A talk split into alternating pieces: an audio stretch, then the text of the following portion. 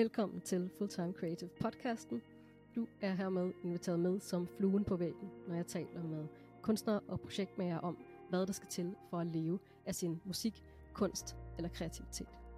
Jeg er Eif, og som din vært er jeg så klar til at byde dig velkommen også i min lille Bornholmer-boble, hvor popmusik og iværksætteri går op i en højere enhed. Hvis du ligesom mig er træt af spidse albuer i kulturlivet, så er du landet øh, i det helt rette hjørne af internettet lige her. Og der er masser af plads ved mit bord. Sæt dig endelig godt til rette og nyd ugens episode. Der er noget, jeg ikke helt forstår. Hvis du helt selv bestemmer dit arbejdsliv og elsker at lave musik, hvorfor har du så ikke mere musik i din hverdag?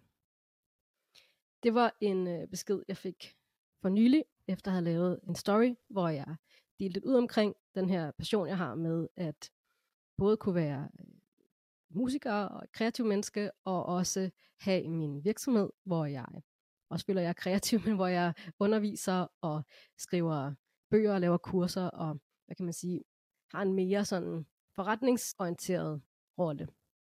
Og jeg fik den her besked, og den føltes som en våd klud i ansigtet.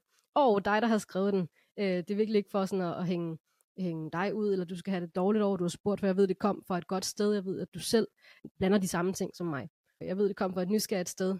Men det tog mig flere dage at svare på den her besked, fordi jeg har tænkt så meget over det, og det var så svært at svare på.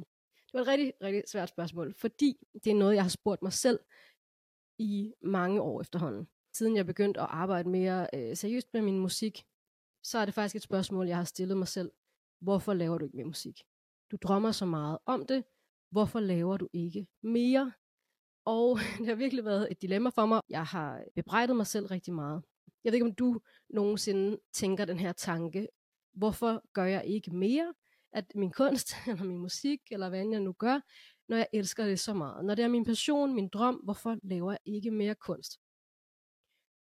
Altså, der kan være mange årsager til, at vi ikke gør det.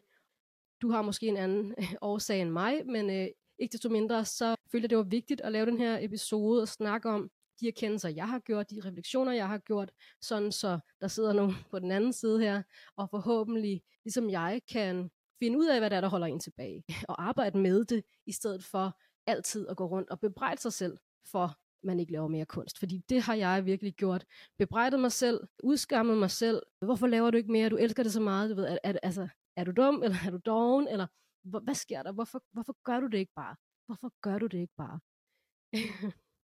det kan jeg ikke være den eneste, der har tænkt den her tanke. Hvorfor gør du det ikke bare? Og det har jeg så fundet ud af, hvorfor jeg ikke bare gør det. Og det er der faktisk øh, flere grunde til. at Jeg har taget tre med til dig i dag i den her episode. Og apropos det her med øh, bebrejdelse, så handler den første grund om noget, der har med sådan brancheidealer at gøre, og forventninger til øh, os selv i musikbranchen, hvor jeg jo kommer fra, men jeg ser det også meget tydeligt i alle de andre øh, kulturfag.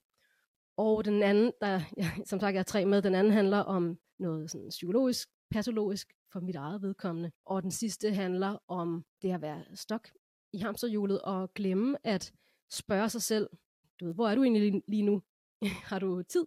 Har du overskud? Eller sidder du bare fast i den der vane med at gøre det samme, som du gjorde i går?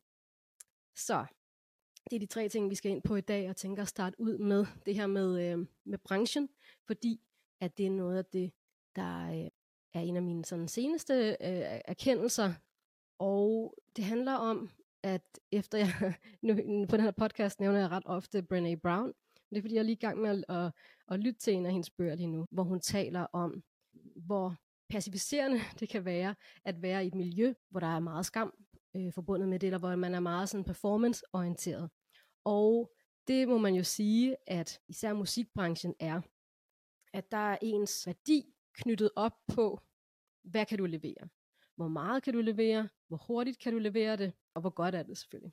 Det har jeg selvfølgelig været lidt bevidst om igennem tiden, men det har virkelig slået mig øh, sådan de senere år, hvor jeg især efter jeg blev gravid og fik mit barn, hvor man i den grad ikke kan leve op til det der tempo. Der havde jeg et behov for at trække stikket. Så jeg har faktisk øhm, til dem, der ikke sådan har fulgt mig de senere år, er det ligesom det sidste års tid, jeg har vendt tilbage til min musik, efter at have været væk i to og et halvt år, mens min, min datter var helt lille, og, jeg, og mens jeg var højgravid.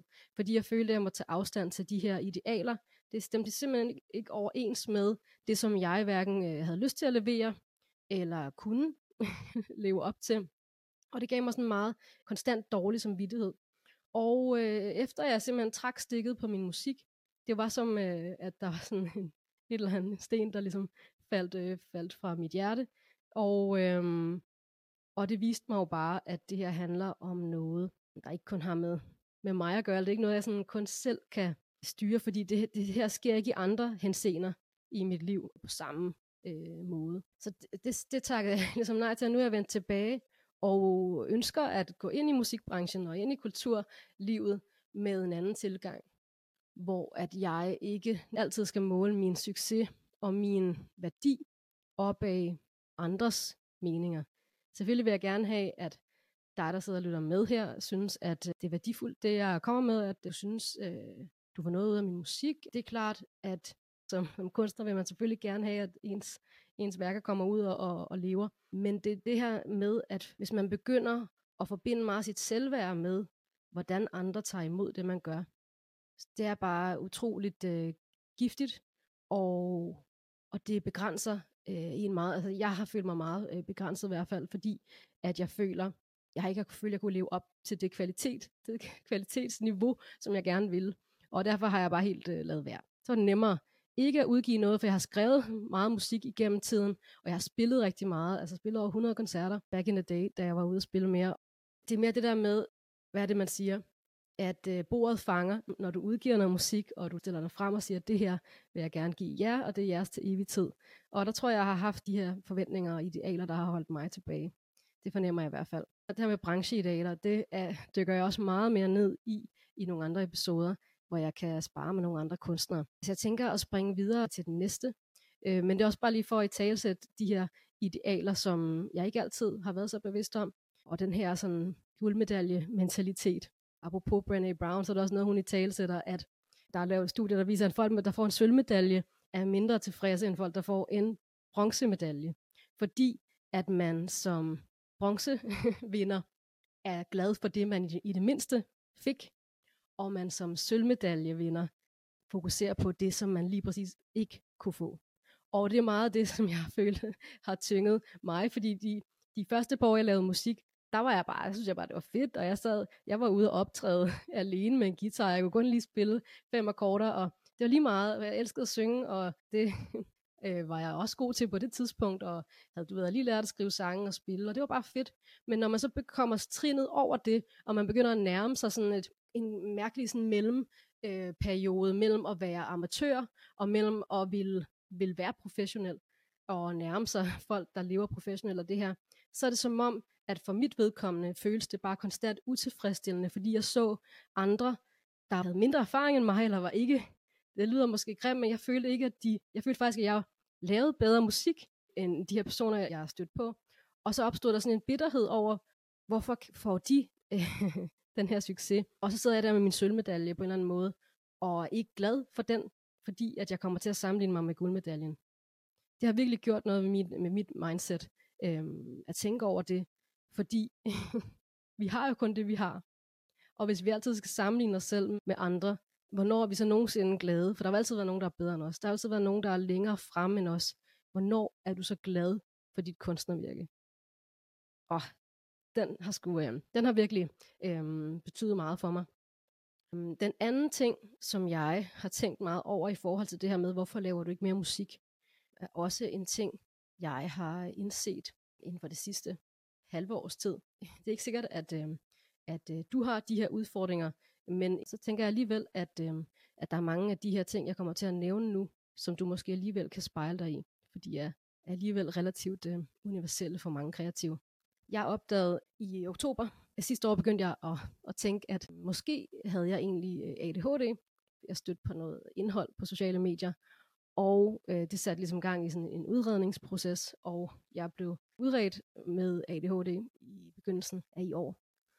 Og der var ligesom også en masse brækker, der faldt på plads der, fordi at det, som der sker, når man har øh, ADHD, og øh, en, som du måske også kender fra dig selv, men måske ikke lige så høj grad, det er, at man kan have rigtig svært ved at motivere sig selv, hvis ikke at øh, der ligesom er en, en, øh, en tidsfrist, eller det er noget, du absolut skal. Derudover kan man også have en meget stor sådan, sensitivitet over for afvisninger, og det hele taget føle rigtig mange øh, ting, og det gør, at man meget hurtigt bliver overvældet. Det her med at planlægge, for eksempel planlægge en udgivelse, samtidig med, at man har sit arbejde, også rigtig øh, svært.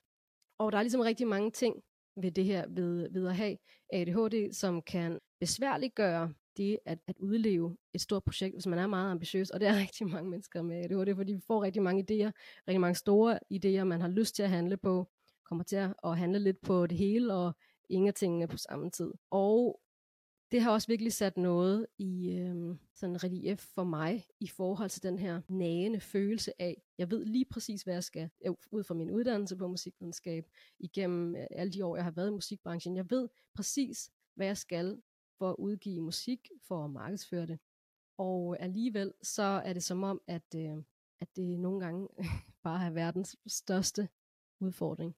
Og måske du sidder og tænker det samme. Måske handler det om, at kreative mennesker generelt føler rigtig mange ting, og øhm, kan have svært ved at handle på dem på grund af de idealer, som jeg lige har snakket om. Det er jo svært for mig lige at vide præcis, hvad, hvad der trigger det, men, men jeg har bare lyst til at i, i talsætte det. Der kan være ting i din hjerne, som gør, at du har svært ved ting, uanset om du har en diagnose eller ej. Der kan være ting, du har brug for, for eksempel ekstra uh, accountability, for eksempel ekstra tydelige frister, ekstra tydelige deadlines, og det er derfor, jeg siger, at jeg tror, uanset øh, hvem du er, så tror jeg, du kan øh, tage noget af den her øh, refleksion med dig videre, fordi det, som jeg har indset ved den her diagnose, det er, i stedet for at gå rundt og bebrejde mig selv, hvorfor gør du det ikke? Hvorfor gør du det ikke? Hvorfor kan du ikke lære det? Hvorfor kan du ikke forstå det? I stedet for at gøre det, så spørger mig selv, hvad skal der til, nu hvor du ved, at du har, de, du har svært ved det her, du kan ikke komme i gang, du kan ikke komme i gang med at lave din musik, du kan ikke komme i gang med at booke dine koncerter, øh, fordi at du kan ikke booke noget, du ikke har øvet til, og du kan ikke øve, uden at du har noget booket, og er rigtig mange tanker, som holder dig tilbage der. Hvad skal der til? For mig handler det meget om accountability, at jeg har nogen, der ligesom skubber mig, nudger mig, og det handler også for mig om deadlines. Jeg har meget svært ved at motivere mig til noget som helst, hvis ikke, at der er nogen, der får noget ud af det. Altså, jeg kan ikke motivere mig selv, hvis det kun er mig, der får noget ud af det, jeg skal. Og det bruger jeg jo så nu ved at enten finde en accountability øh, partner, eller sørge for at få booket, efter at jeg fik den her øh, besked i mine DM's, hvorfor laver du ikke mere musik, når du selv kan vælge dit arbejdsliv. Efter det har jeg fået skrevet en ny tekst til en sang. Jeg har fået booket en tur i, i øh, studiet til, her til august. Jeg har fået en udgivelsesdato for min EP. Jeg har fået to koncerter i kalenderen. Simpelthen fordi, at jeg fik den her reminder, og jeg simpelthen sagde til mig selv, nu der skal simpelthen bare, der skal nogle datoer til, og så får du det til at ske. For jeg får det altid til at ske. Det, jeg kan ikke komme i tanke om en situation, hvor jeg har haft en deadline for noget i min virksomhed, eller som musiker, som, hvor jeg ikke har løst det på en eller anden måde. Og øh, det er jo også noget erfaring efterhånden, de her de seneste år her. Altså, den erfaring gør mig også tryggere og tryggere i at tilmelde mig et eller andet, eller sætte en frist øh, med en samarbejdspartner, uden at vide, hvordan fanden jeg lige jeg får det til at ske. Altså, jeg har ikke et sæt, jeg kan spille lige nu, men, øh, men, men det får jeg. Øh, for det ved jeg, jeg gør. Så det håber jeg giver mening, at hvis du også har, har lidt svært ved at øh, få de her ting til at ske, så spørg dig selv, hvad skal der til, for at det kan ske? Som sagt, for mig er det accountability, deadlines, og det kan føles sådan lidt skamfuldt i starten, ikke bare kunne øh, gøre de her ting automatisk, for man tænker, kan man ikke bare det? Skal man ikke bare kunne de her ting? Men det er altså ikke os alle sammen, der kan det. Og den sidste ting, apropos det her med, at jeg fik den her besked, og han skrev til mig, og det fungerede som sådan en, en reminder, lidt som et wake-up call. Den sidste og tredje ting her, som jeg gerne vil ind på, den handler om det at være stok på en måde i sit eget hamsterhjul. For mig har en vigtig ting været i mit, i mit kreative liv, at øh, lave et fundament de seneste par år her, hvor min musik og mit musikalske virke kunne ligge helt trygt og godt ovenpå. Så jeg ikke skulle tænke på at, ud og, gå ud og finde en eller en øh, 9-5 job. At jeg kunne opbygge en virksomhed, som kunne give mig tid og overskud til også at være kunstner. fordi at min tank bliver meget hurtigt, det er ligesom øh, afladt, eller mit batteri bliver hurtigt afladt. Og øh, det betyder jo, at jeg skal være meget varsom omkring, hvad jeg bruger min energi på. Og der har jeg formået, efter at have brugt nogle år her, der har jeg formået at opbygge en virksomhed, som jeg øh, ikke skal, skal arbejde 37 timer i, for at jeg kan udbetale min månedlige løn. Og takket være det medlemskab, som jeg har, øh, den her klub, månedlige øh, forretningsklub for kunstnere, som jeg har, takket være den bog, jeg, jeg har skrevet omkring legatsøgning, øh, de kurser, jeg laver, det frigiver noget tid, og det er også det, jeg prædiker til alle mine øh, kolleger i klubben, det her med, hvordan kan vi skabe det her liv, hvor, der, øh, hvor vi gør det, vi elsker at gøre. Jeg elsker at sidde her og snakke til dig, jeg elsker at undervise, jeg elsker at have min klub og spare med alle de her over 100 passionerede kunstnere. Det elsker jeg simpelthen så meget. Hvordan kan jeg kombinere det med min kunst, min musik? Og det har jeg gået og ventet på skulle ske, fordi det ligesom tager tid at opbygge sådan noget. Og jeg havde faktisk ikke indset, at jeg var nået dertil. Det lyder mærkeligt, når jeg siger det. Men jeg har vendt mig til, at jeg helt bevidst har, har taget nogle år ud af mit øh, kunstnervirke for at få mit barn og være med hende og være væk fra det, musikbranchen. Men også bruge nogle år på at opbygge den her virksomhed. Det er ligesom er mit arbejdsliv har jeg 100% selv har kontrol over det. Og så man, han skriver i beskeden der, hvis du selv kan vælge dit arbejdsliv, hvorfor laver du så ikke mere musik? Men det har, jeg har simpelthen øh, ikke indset, at jeg var nået dertil, hvor jeg havde fået fri, frigivet så meget tid.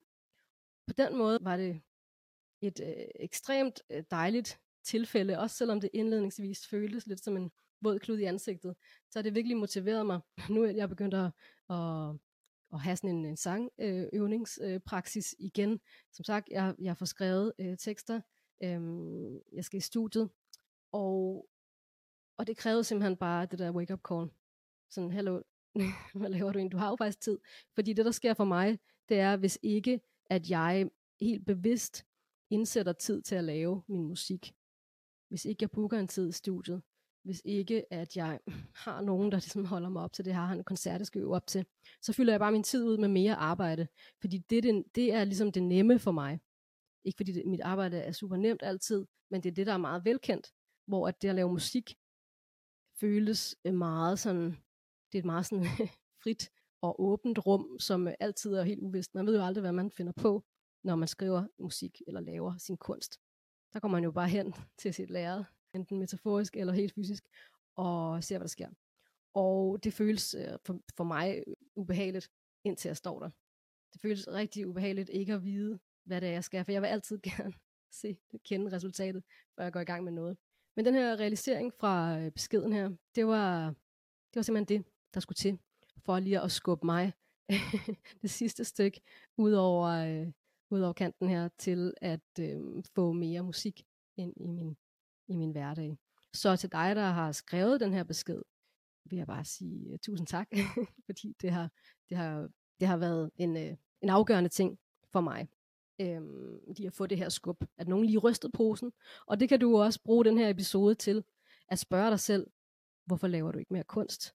Hvorfor laver du ikke mere musik? Det vil jeg i hvert fald gerne spørge dig, hvis du har den her følelse, og når, når du bliver spurgt, føler sådan lidt, uh, hvorfor spørger du det? uh, det gider jeg ikke tænke på. Fordi at øh, en ting er sikker, og det er, at hvis du ikke laver nok i din egen øjne kunst, så øh, er der en årsag. Og det er ikke nødvendigvis din motivation, det er ikke din disciplin. Jeg plejer, førhen der sagde jeg altid, at jeg havde ryggrad som en regnorm. Prøv at fortælle dig selv det hele dit liv. Åh, oh, jeg har ingen disciplin, jeg har ryggrad som en regnorm. Det, jeg havde så øh, ADHD. Og øh, det er jo, og, det kan jeg jo ikke bebrejde mig selv for, det er jeg født med.